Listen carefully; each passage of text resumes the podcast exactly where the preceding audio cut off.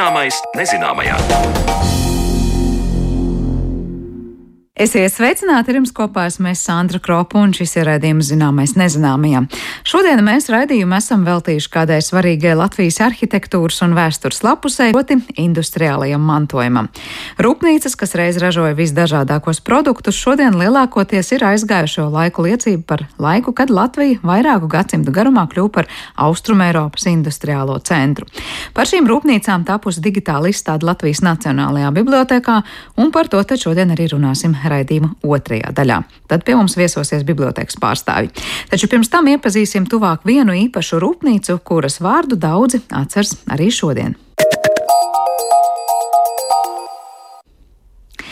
Gumijas ražojuma rūpnīca Provodņiks līdz Pirmajam pasaules karam bija viena no lielākajām ražotnēm Rīgā.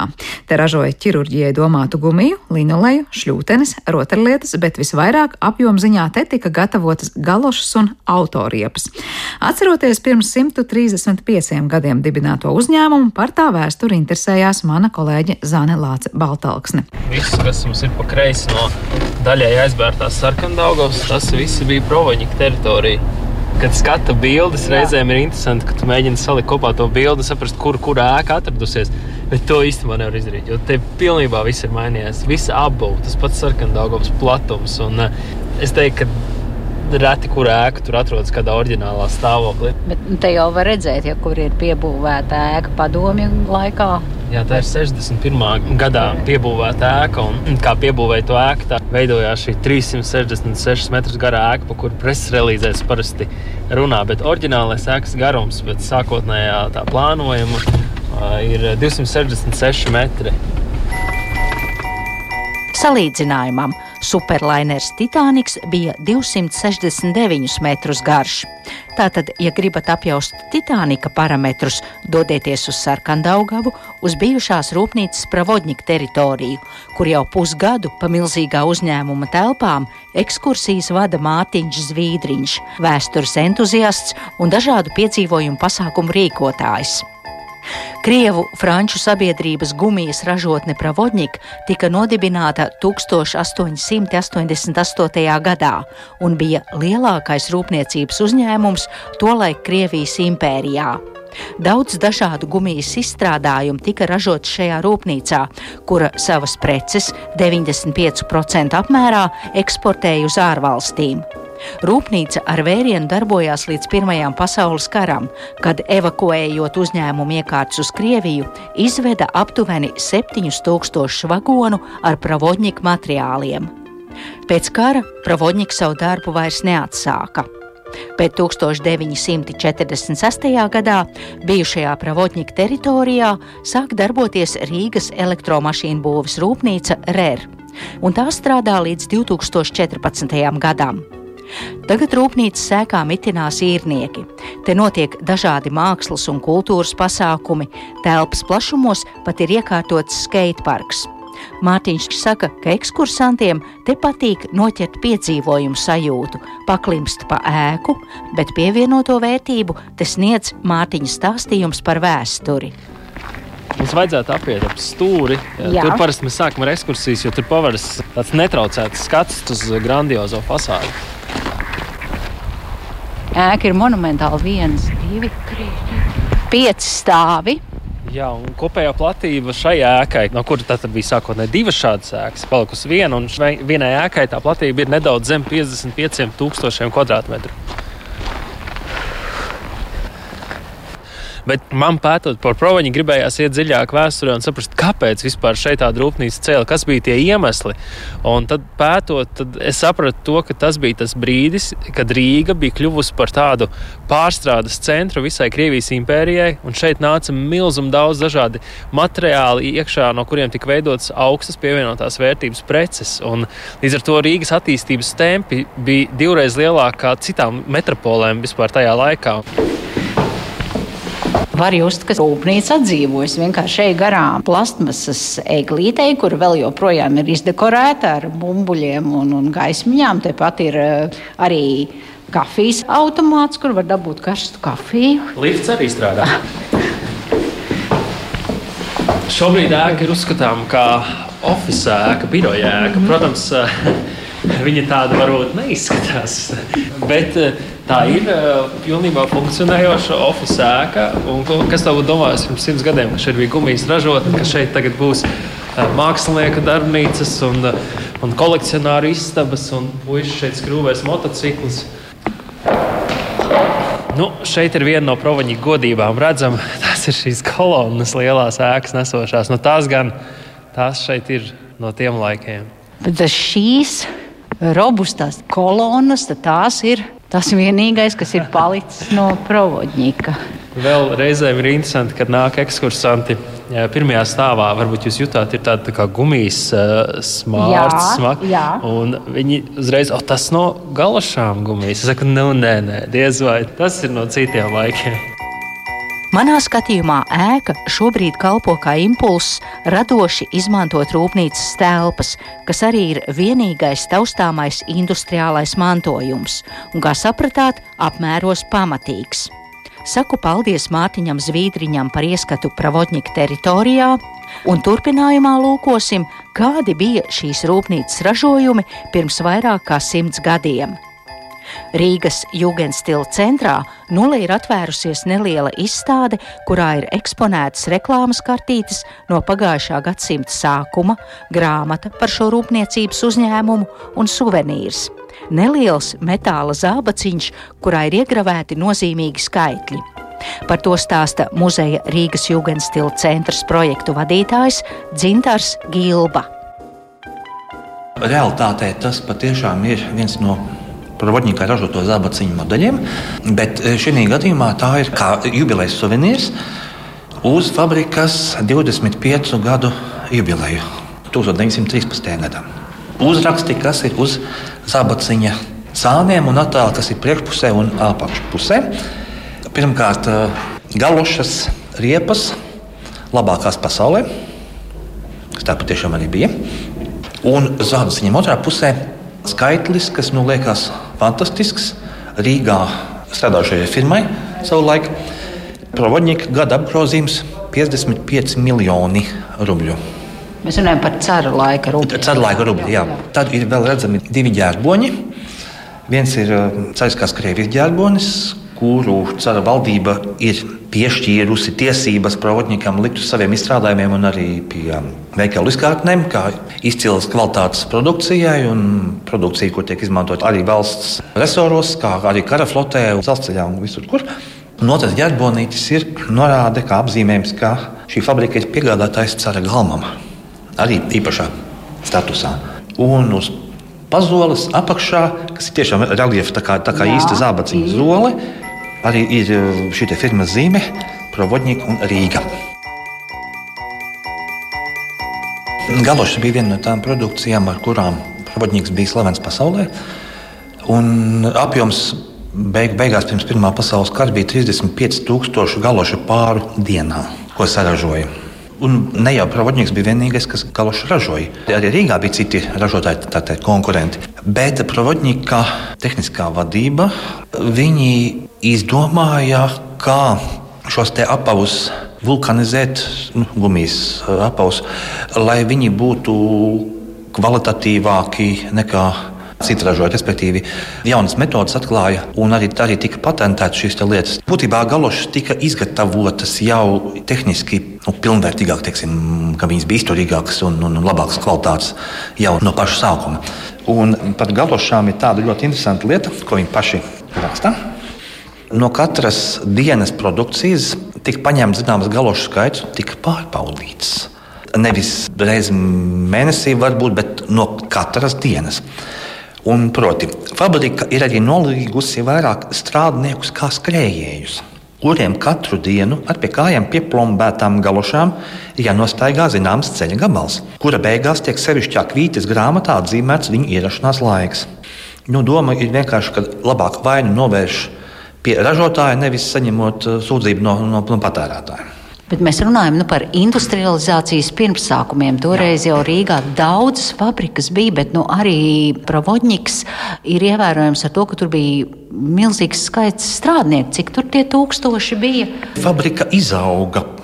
Par tām fabrikām Rīgā jāsaka tā, ka kāpēc viņas Rīgā tik daudz šeit radās. Tur pie vainas, nu, labā nozīmē, bija Cariskās Krievijas valdības politika, kura ievestām precēm lika muitu. Reizēm tā muita bija tik liela, ka galu galā bija izdevīgāk ievest kapitālu, dibināt ražotni šeit uz vietas un taisīt produkciju uz vietas un arī eksportēt tālāk uz ārzemēm vai uz, uz iekškrieviju.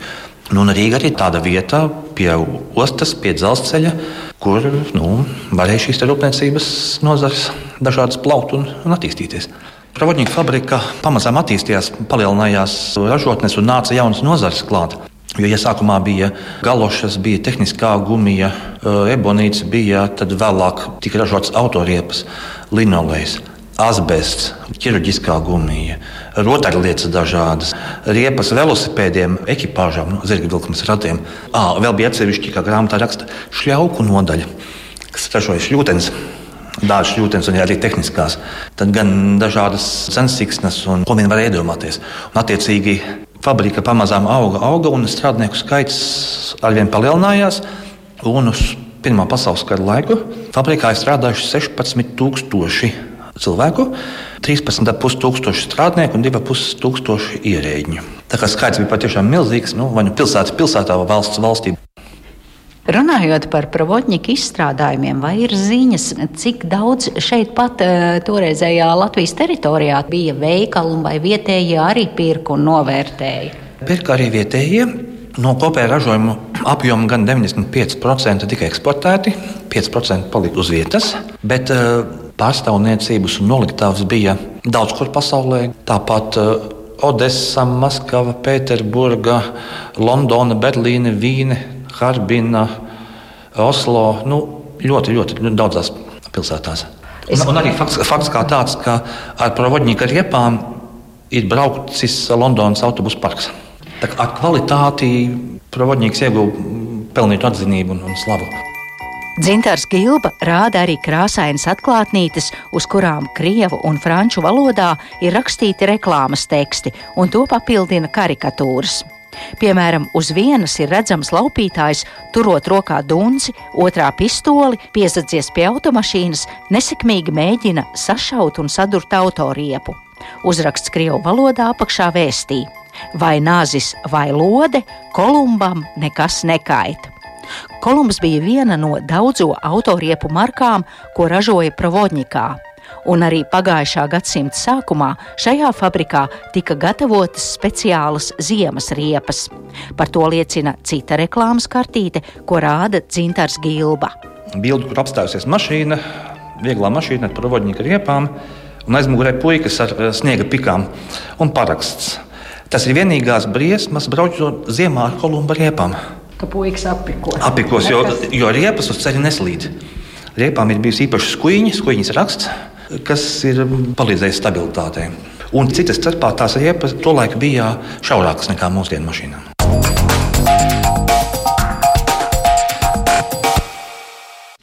Paldies Zanēlācei Baltalksnē par stāstu, iepazīstinot mūs ar fabrikas provodņiks vēsturi, bet par industriālo mantojumu un fabriku vēsturi visā Latvijas teritorijā vairāk raidījumu turpinājumā.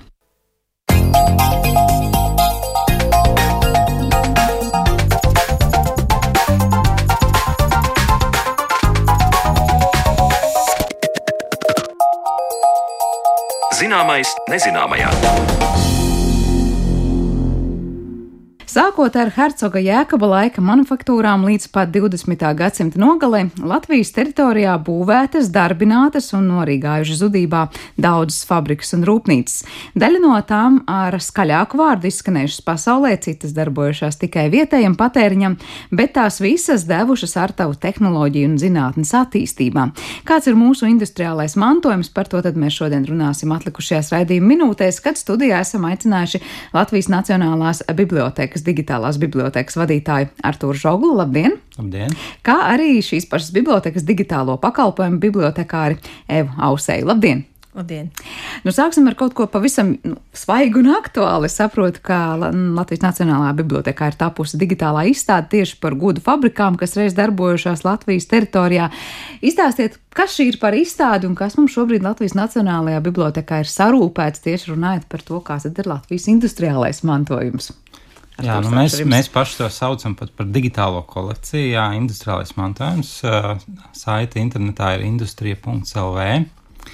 Un, tā ir kolekcija, kas ir veltīta dažādu veidu industriālu mantojumu objektiem, kas ir bijuši Latvijā. Nu, pirmkārt, kas ir industriālais mantojums? Tas ir viss, kas ir bijis saistīts ar ražošanu Latvijā. Un, uh, tie ir gan dažādi ražojošie uzņēmumi, gan arī um, nu, infrastruktūras objekti, teiksim, tilti, ceļi, dzelzceļi, baznīca, uh, baznīca, droši vien, ka nē, dzirnavas un, un citu veidu objekti. Un mēs šajā sāko, sākotnēji esam koncentrējušies tieši uz Latvijas ražojošiem uzņēmumiem. Mēs esam apkopojuši informāciju par aptuveni simts ražojošiem uzņēmumiem, kas ir darbojušies gan Rīgā, gan vispār Latvijas reģionos. Un esam apkopojuši materiālus, kas glabājas bibliotekās, muzejos un arhīvos. Bet tas materiāla apkopojums nozīmē, tās ir fotografijas, tās ir kaut kādas vēl citas liecības, tas ir kaut kādi, varbūt, es nezinu, audio, video ieraksti jau no vēlākiem laikiem. Nu, katra iestāde ir devusi to, ko ir varējusi iedot. Nu, teiksim, Nacionālajā bibliotekā mums pašiem glabājas dažādi veidi sīkie spiedumi, tie ir dažādi preču katalogi. Nacionālās arhīvs, kas arī ir liels mums projektu sadarbības partners, ir piedāvājuši dažādu veidu dokumentus, arī kino kronikas un ierakstus. Mums ir arī video ieraksti, dažādi rasējumi, zīmējumi, nu, ļoti daudzveidīgs materiāls klāsts. Tā. Varbūt ir kas piebilstams par savu tīkamākajiem vai interesantākajiem materiāliem. Nu jā, šeit es varu pieminēt, ka mums ir arī, piemēram, patenti no 20. un 30. gadiem, kas arī ir interesants materiāls, ko pētīt.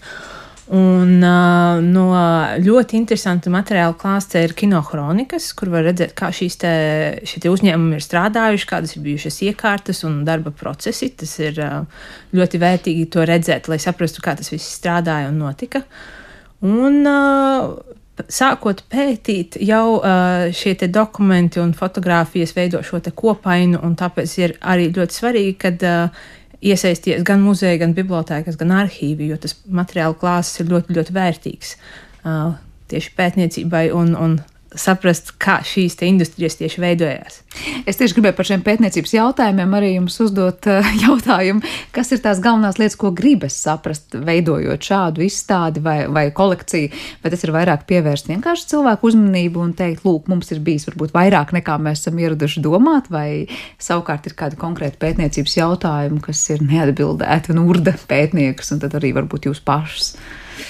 Nu, mūsu kā kultūras iestādes un kā Nacionālās bibliotekas uzdevums ir to materiālu apkopot un piedāvāt pētniekiem, lai pētītu viņi vairāk. Ja? Mūsu tas mērķis ir padarīt to visu maksimāli daudz pieejamu. Un, protams, ka mēs arī tajā procesā esam daudz ko uzzinājuši jaunu. Jā, tas, ko, tas, ko tu minēji par, par to uzņēmumu skaitu un daudzumu, jā, tas mums arī ir pārsteidzis. Jā. Latvija, teiksim, arī uz pārējiem Baltijas valstu fonu izceļas tieši ar to ražošanas vēsturi, kur mums ir ļoti daudz tie uzņēmumi. Mums, tad, kad, tad, kad mēs izvēlējāmies šos uzņēmumus, ko iekļaut kolekcijā, tad mēs uh, nospriedām, ka aptuveni 50 uzņēmumus mēs varētu ņemt no Rīgas un 50 no reģioniem, bet mēs jau redzējām, ka pat uh, ļoti liela uzņēmuma sākotnēji palika aiz svītras, un tad mēs pamazām, pamazām papildinām šo kolekciju un liekam arī jaunas uzņēmumus klāt. Jā, kas bija tas, nezinu, kritērijs, pēc kur jūs sapratāt, to liekam, to neliekam? Nu, nezinu, izmērs, ražošanas kaut kādas jomas vai kā? Uh, šeit, kā jau Arturs minēja, bija uh, 50-50 sadalījums, uh, lai nebūtu tikai pārstāvēti, piemēram, Rīga vai kādi atsevišķi reģioni. Uh, tad, uh, Sākotnējā procesā tika aptaujātas arī dažādas bibliotēkas, uh, reģionos, kas ir šie lielie uzņēmumi, par ko būtu vērts uh, materiālus vākt uh, un pēc tam uh, veidot šīs uzņēmumu aprakstus. Un šie kriteriji ir ļoti, ļoti dažādi. Dažiem uzņēmumiem ir zināmāka produkcija Latvijā, dažiem uzņēmumiem ir zināma produkcija, piemēram, pasaulē. Tie ir jau lielāki uzņēmumi. Bet šie katrs uzņēmums ir svarīgs kādā no šiem te, uh, reģioniem vai, vai visā pasaulē zināms uh, ar šo produkciju. Nu, katrā ziņā nekonkurēja tur dzirnavas ar konkrētu fabriku, tikai tāpēc, ka vienkārši viena būs pazīstamāka un lielāka, tur būs citas apakškategorijas, ja kurās jūs esat pieņemti. Minējāt tilti, ceļi, dzirnavas, daudz kas cits. Nu, es pieņemu ar tādu lielu vefu rūpnīcu, piemēram, nu nevarētu sacensties, es nezinu, popularitātē. Nu, jā, nav sacensība. Mums ir pastāvēts droši vien, ka praktiski visas ražojošās nozares, metāla apstrāde, koka apstrāde, pārtiks apstrāde un citas, un ironiskā kārtā gandrīz pēdējā, ko mēs iekļāvām, bija tieši ar mums kā Nacionāla biblioteka saistītā papīra apstrāde un tipa no izdevniecības. Tā ka mums pēdējais uzņēmums, kas šobrīd eh, kolekcijā ir iekļauts, ir valsts papīra spiestuve, ja, kas nodarbojas ar dažādu tipogrāfisku materiālu sagatavošanu. Bet eh, tā mēs teiktu, ka pilnīgi visas eh, ražojošās nozares ir pārstāvētas šajā kolekcijā. Kas ir tās senākās? No kura laika atskatoties, mēs varam vismaz šajā kolekcijā vismaz ieraudzīt šo mantojumu nu, pierādījumus? Uh, senākās uh, ir no 1820, 30 līdz 1800 beigām. Uh, lielāk pārstāvēts vairākums ir tieši no stikla rūpniecības, kas saucās glāžu mājas tajā laikā, un pēc tam jau pārveidojas par šīm stikla rūpnīcām. Uh, ir arī porcelāna fabrikas, Jēzus un Kuzņecovs, kas arī ir sāko, sākot 1800. beigās, uh, veidoja šīs uzņēmumus uh, Rīgas teritorijā. Un mums ir ļoti, ļoti, ļoti sena tādā ziņā vēsture rūpniecības Rīgā, uzsākot dažādas rūpnīcas tieši 1800. beigās. Kad mēs vispār varam runāt Latvijas teritorijā par tādu nu, rūpniecības sākumu, tie arī ir tie gadi, vai tas ir tas, kas ir iekļuvis jūsu kolekcijā un vienkārši nu, to, kas bija pirms tam īsti neņemam vērā? Nu, rūpniecība sākās 17. gadsimtā nu, ar kuģu būvi un, un cepļiem. Uh, bet uh, šeit jau jādala tas, kas ir amatniecība, no tās, kas ir rūpniecība. Amatniecība, nu, to, ko varēja izdarīt. Maz, mazs cilvēku skaits ar, teiksim, tā ar rokām, un kad sākās šī rūpniecība, tā jau ir, nu, kā mēs jau saprotam, ir daudz cilvēku, kas strādā pie viena procesa, lai veidotu šo, šo te produktu. Un mums īsti vēl kolekcija nav tas, kas ir uh, 17. gadsimta Uh, tie nav cepļi, tās, tās nav arī tā, tāda laika kuģu būvis, kur būvē, piemēram, buru kuģus. Bet jau šī rūpniecība, kas sākās ar 1800. beigām vidu. Bet tādas mazākas, piemēram, porcelāna, porcelāna fabrikas, un, ko mēs dažkārt zinām, nav tur jābūt lielai, lielai tai porcelāna fabrikai, bet kas varbūt ir pietiekoši, nu, ar savu vārdu tā tiktu tad iekļauts šajā kolekcijā. Vai tur arī vēl ir jā, jāpacīnās par iekļūšanu šajā sarakstā? Nē, nē, nu, ar laiku, protams, ka mēs centīsimies iekļaut visus, arī tā skaitā mazākos uzņēmumus. Un uh, ir arī mums daži tādi, nu, teiksim, apniecības uh, mini uzņēmumi iekļauti kā lielāku uzņēmumu sastāvdaļas. Piemēram, savulaik bija tāds ļoti liels uzņēmums Dairade, kas, uh, kurai bija amatniecības un tāda māja mājamatnieki, kas uh, darbojās mājas apstākļos, un tā kā arī šādi ir iekļauti. Bet jūs skatoties kaut vai uz to, kas ir jūsu kolekcijā, vai šobrīd nav iekļuvis, bet varbūt gaida tikai savu kārtu, kā jūs raksturot, nu, kas ir tās nozares, kas Latvijas industriālajā vēsturē nu, ir tādas pietiekoši, varbūt nu, spēcīgas un spilgtas vizītkartes. Un tad nu, jautājums, kāpēc tieši šīs nozares attīstījās Latvijā vairāk? Nu, man, man personīgi pirmā vizītkarte, protams, kas nāk prātā, ir VF. Jā. Tā ir mūsu tāda lielā fabrika, kurai joprojām ir iespēja nobraukt vismaz garām tām ēkām. Bet uh, VF ir ražojis tādas ļoti daudz atpazīstamas uh, produktus, kā dažādas radioaparātus. Uh, starpkara periodā tas bija fotoaparāts Minox, kas bija slavens uh, arī ārpus Latvijas robežām. Tā kā nu, es droši vien VF liktu par tādu vienu tādu vispār atpazīstamu populāru uh, zīmolu ja, Latvijā. Nu jā, VF noteikti ir vis, visatpazīstamākais, un tāpat kā jau minēji, Minox un, un citi produkti. Um, jo padomu periodā šie VF ražotie produkti bija nu, visā savienībā, teiksim, tā zināmi. Uh, man pašai daudz tuvāk ir metāla rūpniecība un metāla apstrāde, tas, kas ir smagā metālurģija. Uh, vai arī jā, automašīnu un lidmašīnu ražošana, ar ko arī Latvijā tika veidotas šīs gan automašīnas, gan, gan lidmašīnas. Un šeit var minēt arī uzņēmumu RAF ar mikroautobusu Latvijā. Jā, arī pietiekoši, es domāju, vizītkārta zinām un labi, jā, varbūt daudz arī jā. atcerās. Kā tāda tekstilu rūpniecība, ķīmisko rūpniecība, cik ļoti mēs varam teikt, tā bija pietiekoši augsti attīstīta Latvijas teritorijā dažādos laikos? Nu, jā, dažādas triktoru uzņēmumi Latvijā dibināja, un, un viņi bija diezgan daudz. Mēs zinām, ogles trikotāža, lau, lauma, kurai savulaik esot bijusi lielākā ar jumtu sektā ēka Eiropā šķiet. Ja?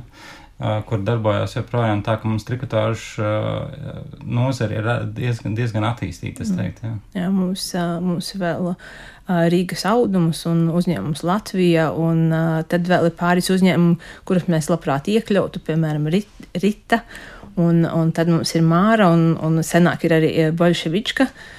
Tā kā tas arī tekstilu rūpniecība ir diezgan labi pārstāvēta šajā digitālā mantojuma kolekcijā. Jūs minējāt šīs Rīga 50% un pārējā Latvija, tad pārējie 50%. Kā jūs raksturotu, vai ir tādas specializācijas jomas, kas bija raksturīgas noteiktām lielajām pilsētām, vai kāda reģiona, kas nu tad specializējās tikai vienā vai otrā virzienā? Kāds ir tas novērojums, skatoties kādas rūpnīcas vai kādas, kādi objekti, var teikt, iekrīt šajā kategorijā no ārpus Rīgas un Rīgas teritorijas? Jā, par to geogrāfisko sadalījumu mēs arī izveidojam tādu kolekcijā, tādu karti, kurus kartes var redzēt ar dažādām krāsām, atzīmēts tos uzņēmumus pa, pa dažādām nozarēm. Ja? Un tad tā Latvijas karta veidojas diezgan raiba. Nav tā, ka viena, teiksim, latgala būtu nokrāsot tikai kaut kādā ko, kokrūpniecības krāsā vai lino, lino apstrādes vai krāsā. Keramikā, jā. Vai keramikā, jā. Kaut gan droši vien, ka latgalē droši vien keramika būtu tā populārākā, jā. Uh, jo, teiksim, arī par tādām pilsētām, kas mums vairāk saistās ar kultūru, piemēram, uh, nu, Liepāja, ja, Liepāja bija arī ļoti liels industriāls centrs, ja, un, bet uh, arī, arī Liepājā tie uzņēmumi bija ļoti dažādi. Tad Liepājā, piemēram, bija Liepājas metalurgs, kas ir metāla apstrāde, Liepājas cukuru fabrika, kas ir pārtiks ražošana, un Lauma, kas ir apģērba ražošana. Tā ka pat vienā pilsētā, ja, tur bija tā diezgan raiba aina. Tā, ka tādu izteikti man tā grūti, grūti no, nosaukt. Jā.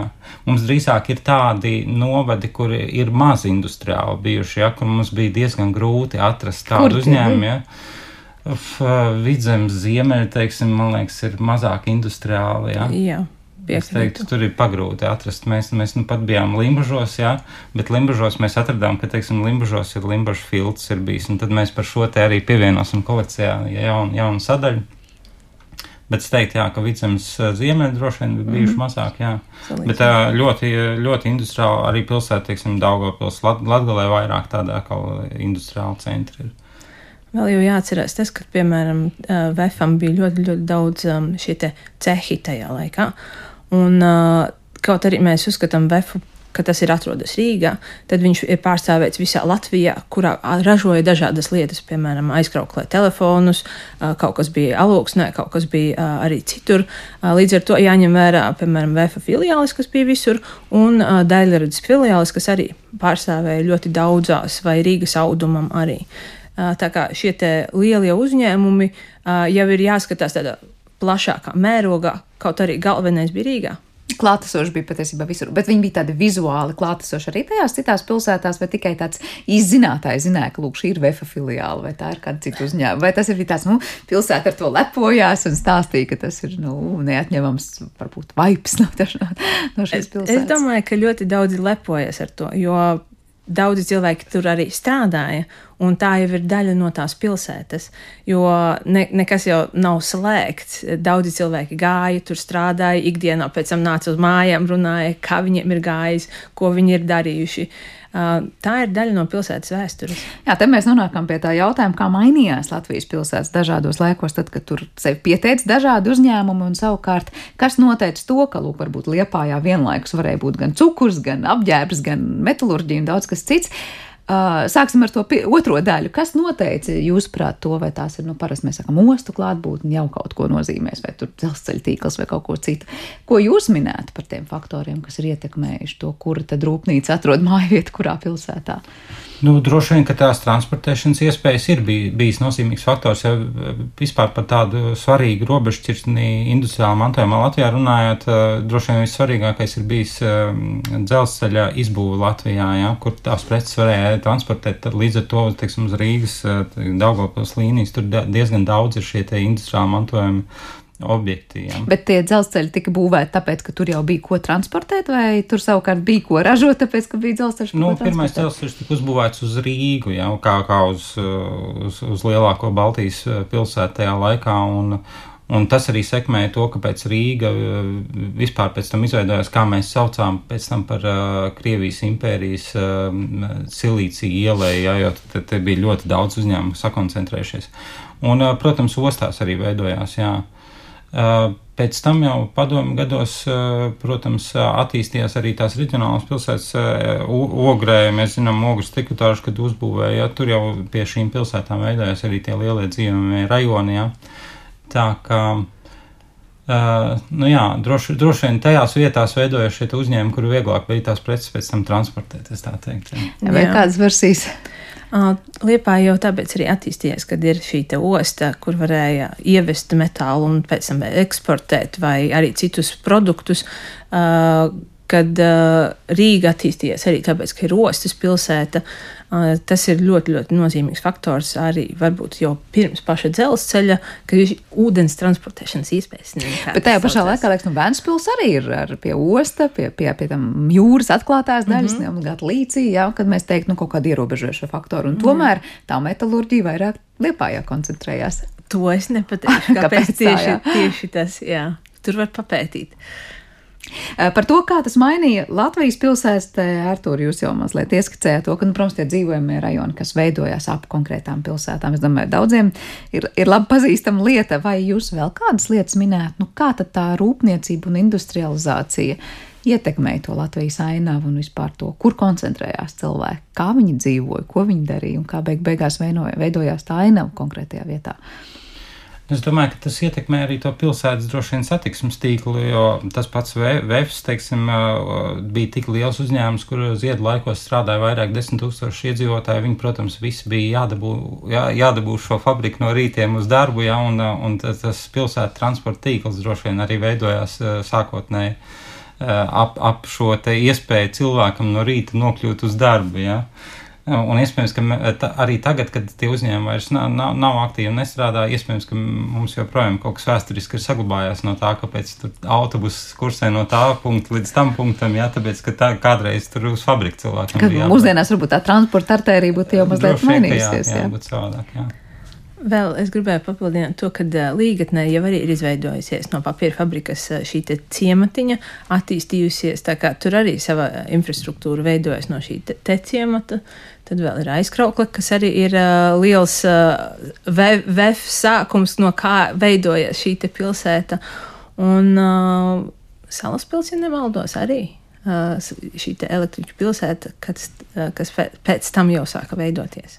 Bet tas arī par tām ēkām dažkārt domājot, liekas, un skatoties tajā ainavā arī liekas ļoti iezīmīgs faktors, ka tās ēkas būs ļoti varbūt, nu, vienkāršas, vienādas un, un, un ne īpaši varbūt nu, ar kādu īpašu estētisku vērtību neizcelsies.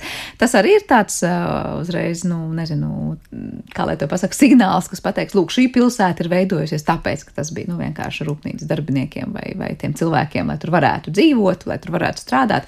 Nu, ir tāds ātri veidots ciemats. Ja? Uh, savukārt, nu, mēs tur neatradīsim jūgas stilu ēkas vai ko tam līdzīgu. Ja? Uh, kāda ir tā arhitektūra, kas raksturo industrializētās pilsētas daļas? Nu, jā, droši vien daudz pilsētu arhitektūra ir ietekmējusi gan uh, otrais pasaules karš, kad daudz ēkas tika nojauts un viņas tika būvētas pa jaunu, un droši vien arī šis te industriālais uh, tie industriāli objekti un ražotnes, ap kurām cēlā ēkas, protams, kuras vajadzēja droši vien uzcelt ātri un vienkārši nevis skaisti. Ja, un, un līdz ar to viņas, protams, ir tādas daudz dzīvokļu, droši vien ēku masīvi. Nu, atsevišķos gadījumos ir celtas arī tādas skaistākas ēkas, teiksim, darbiniekiem pie Kuznecova fabrikas savulaik uzcēla tādu, nu, mazāk tipiski, teiksim, daudz dzīvokļu ēku darbiniekiem, bet tipiski, protams, tās tādas vienkāršas, vienkāršas ēkas. Jā. Nu, jā. Darbiniekiem, lai vienkārši funkcionāli šīs nodrošinātu ši, šos, šīs mītnes, tas ir estētika maz Mēs vairāk šobrīd runājām jau par tām fabrikām un par tām rūpnīcām, bet nevelti jūs sarunu sākumā teicāt, ka industriālā mantojuma daļa ir arī šie ceļi, tilti, dzirnavas un daudz kas cits. Jūs tā ļoti ieskicējāt to karti, kur izveidojās šie nu, redzamie uzņēmumi, bet kā ar šīm dzirnavām, tiltiem, ceļiem, kur tur jūs teiktu Latvijas kartē būtu tādas interesantākās, varbūt mazapzinātākās vietas, kuras būtu vērts iepazīt. Jā, nu šis droši vien mums pašiem vēl jāpapēt, jā, jo mēs esam tik ļoti koncentrējušies sākotnēji uz tām ražotnēm, ka uh, mēs uh, apzināmies, ka mums vēl ir uh, jāaptver arī visi šie atlikušie industriālā mantojuma objekti, kas ir tiešām ļoti daudz. Un, uh, nu, dzirnavas droši vien arī ir bijuši visā, visā Latvijā, jā, savulaik, bet, uh, un, un ceļu tilti arī, protams, jā, ļoti daudz, bet, uh, nu, atsevišķi objekti varbūt ir tādi retāki, jā. Vēl, uh, vēl ko var pieminēt, ir šausmas liežu dzelzceļš, uh, kas, kas jau arī ir palicis vairs mazi posmi tikai Latvijā, bet tas bija salīdzinoši izplatīts uh, un ir diezgan labi pētīts. Uh, vēl ir mili militārie objekti, kas mums Latvijā ir diezgan daudz, bet arī nu, mums pašiem ir jāiegulda darbs, lai pēc tam varētu veidot šo te turpinājumu industriālu mantojumu kolekciju. Tā kā iespējams kāds reģions, kur šobrīd jūs teicāt, piemēram, Vidzemes ziemeļi ir tādi, kur nu īsti daudz fabrikas neatradīsim. Varbūt tieši tur atkal ir kādas dzirnavas vai kādas citas atkal lietas, kas parādīs par citu laiku vai citu vienkārši sfēru, kurā tā darbība tur notika. Ja mēs runājam par to, kas notika pašās, nu, atkal teiksim, fabrikās, tajās redzamākajās un lielākajās. Vai jums ir zināms tas, cik ļoti tās bija tādas vietas, kur nu, inovatīvi piegāja lietām, var teikt, ražoja kaut ko, izgudroja kaut ko pilnīgi jaunu, vai tā vairāk bija tāda vieta, kur nu, tādas kopijas kaut kur labi zināmam un labi noskatītam ražoja? Kāds ir tas jūsu vērtējums? Nu, droši vien par katru laiku varētu teikt atšķirīgi, bet varbūt ir kaut kādas galvenās līnijas, ko komentēt. Ne, es domāju, ka mums strādāja arī ļoti daudz talantīgi cilvēki. Man atkal jāatgriežas pie tā paša VF un Minoks, kas skaitījās nu, tā, tā laika augstākais sasniegums, un arī, arī daudz gadus vēlāk to izmantoja arī kā tādu ļoti efektīvu uh, fotokameru. Ja? Un uh, strādāja, protams, uzņēmumos arī ļoti daudz talantīgu cilvēku, arī inženieri. Mēs šajā digitālā kolekcijā esam apkopojuši informāciju ne tikai par pašiem uzņēmumiem, bet arī par uh, cilvēkiem, kas tur ir strādājuši. Nu, tie, protams, ir uzņēmuma dibinātāji un vadītāji, bet arī inženieri, dizaineri, uh, cilvēki, kuriem bija šie patenti par izgudrojumiem, ja, un, un, un tādu ir ļoti daudz. Mums dažos uzņēmumos pat apkopojot tikai galvenās darbojošās personas, bija vairāk desmit cilvēki, kas bija noteikti jāpiemina, ja, kas tur ir strādājuši. Šeit jau var pieminēt arī, piemēram, Līvānu stiklam ir stikla pūtēji un mākslinieki Kuzņecovo un Iesena darbnīcās, kad uh, tie, tā jau ir ļoti liela vērtība tur, tur nevar, nevar uztaisīt pakaļdarinājumus, un, un par to pēc tam gāju uz ekspo izstādēm un, un parādīju un dabūju medaļas kā nozīmīgiem šiem produktiem, kā vērtību.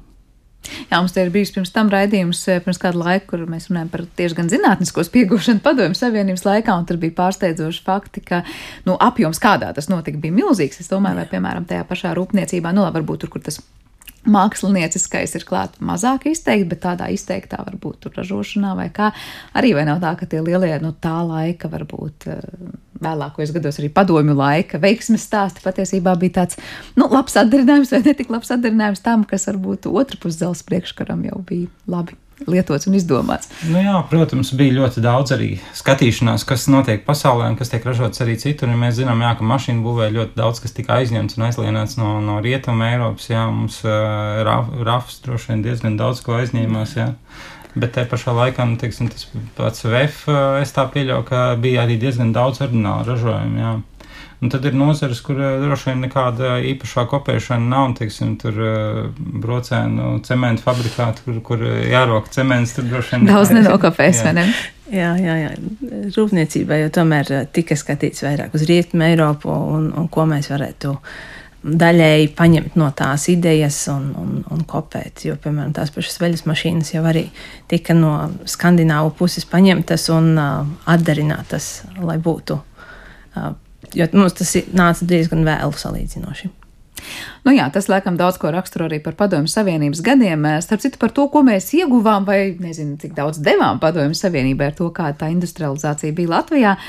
Es zinu, ka Gatis Krūmiņš vēsturnieks daudz ir rakstījis arī par to tautsēmniecības vēsturi, un tur viena no tām pamatfrāzēm bija tāda, ka nu, patiesībā ir viens no mītiem, ka mēs vairāk tā kā saņēmām nekā pat devām atpakaļ Padomju Savienībai tautsēmniecības nozīmē. Kā jūs teikt par to?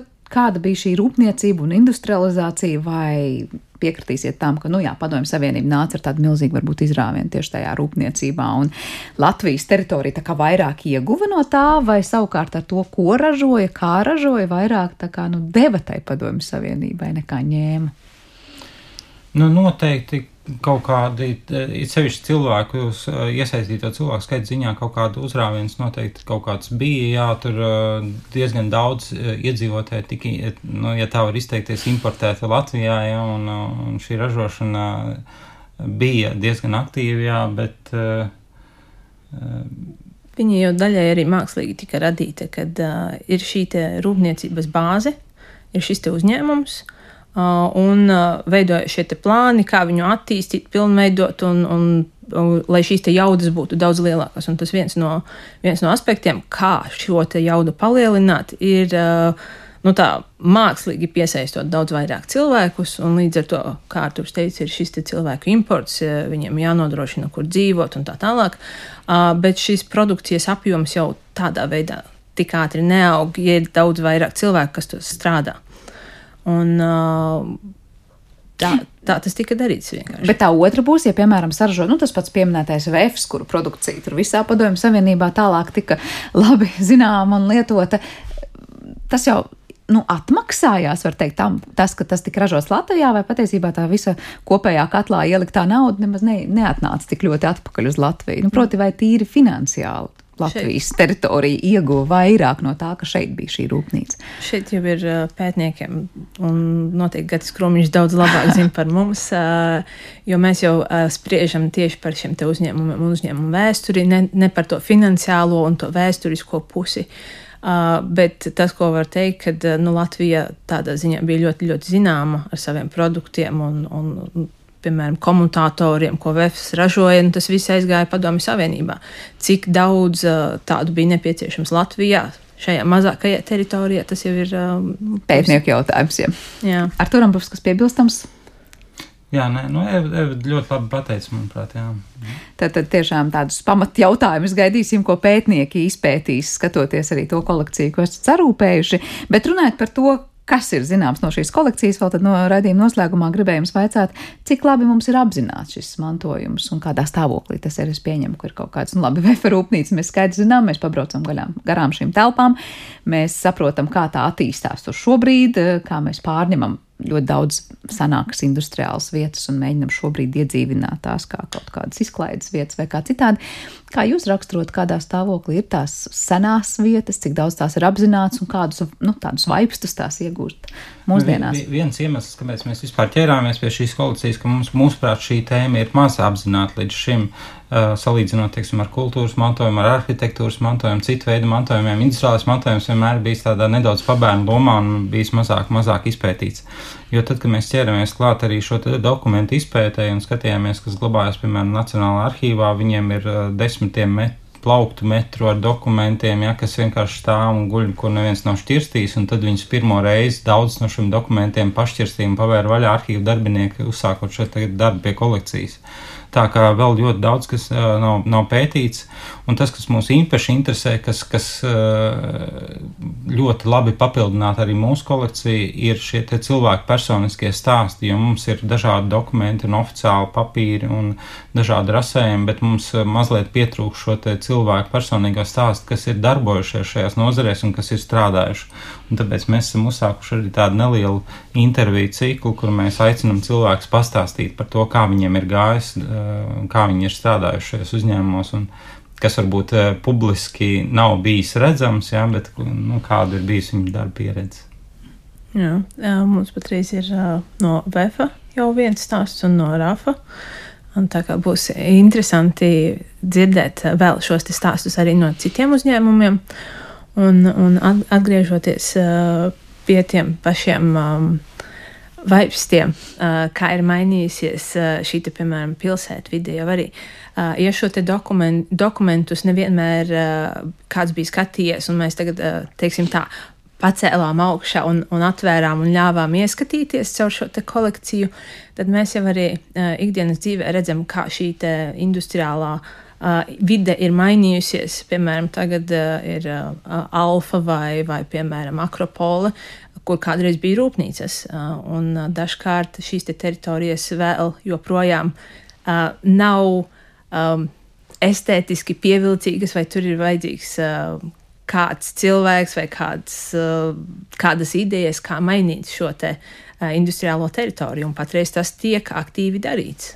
Bet tad, kad jādomā, kā tā teritorija būtu nu, jā, jāiekļauj pilsētu vidē, kas vairāk dominē, tas, protams, ir jautājums pilsētu plānotājiem, un tomēr tā ideja saglabāt, parādīt, kas tur ir bijis, vai vairāk ir lietas un vietas, kuras vienkārši izmantojam racionāli, tad es iedomājos, nu, tur tirzniecības centru izveidot vietā, kur bija rūpnīca, nu, lielas telpas, mēs tās izmantojam no otras puses, vai viņām būtu jāstāv tukšām. Tikai mm. tāpēc, ka kādreiz bija rūpnīca. Katru rūpnīcu par muzeju nepārveidosim. Ja? Kādas ir tās sajūtas, nu, kurā virzienā būtu šim industriālajam mantojumam, tām vietām konkrētajām jāattīstās? Nu, es domāju, ka, ja ir iespējas viņus saglabāt, tad parasti jau arī pilsētu veidotāji arī cenšas viņus saglabāt. Mēs uh, zinām, ka gan ir šie industriāli rajoni ir pārveidoti gan par dzīvojumiem kompleksiem, gan par tirzniecības centriem, gan par kultūras, kultūras centriem. Uh, Un šogad interesanti tāda Eiropas industriālā mantojuma biedrība ir noteikusi, ka šis gads būs tāds skursteņu gads, un mēs zinām arī, ka ļoti daudz šie skursteņi no bijušām fabrika ēkām arī tiek saglabāti un iekļaut tajā pilsētu vidē.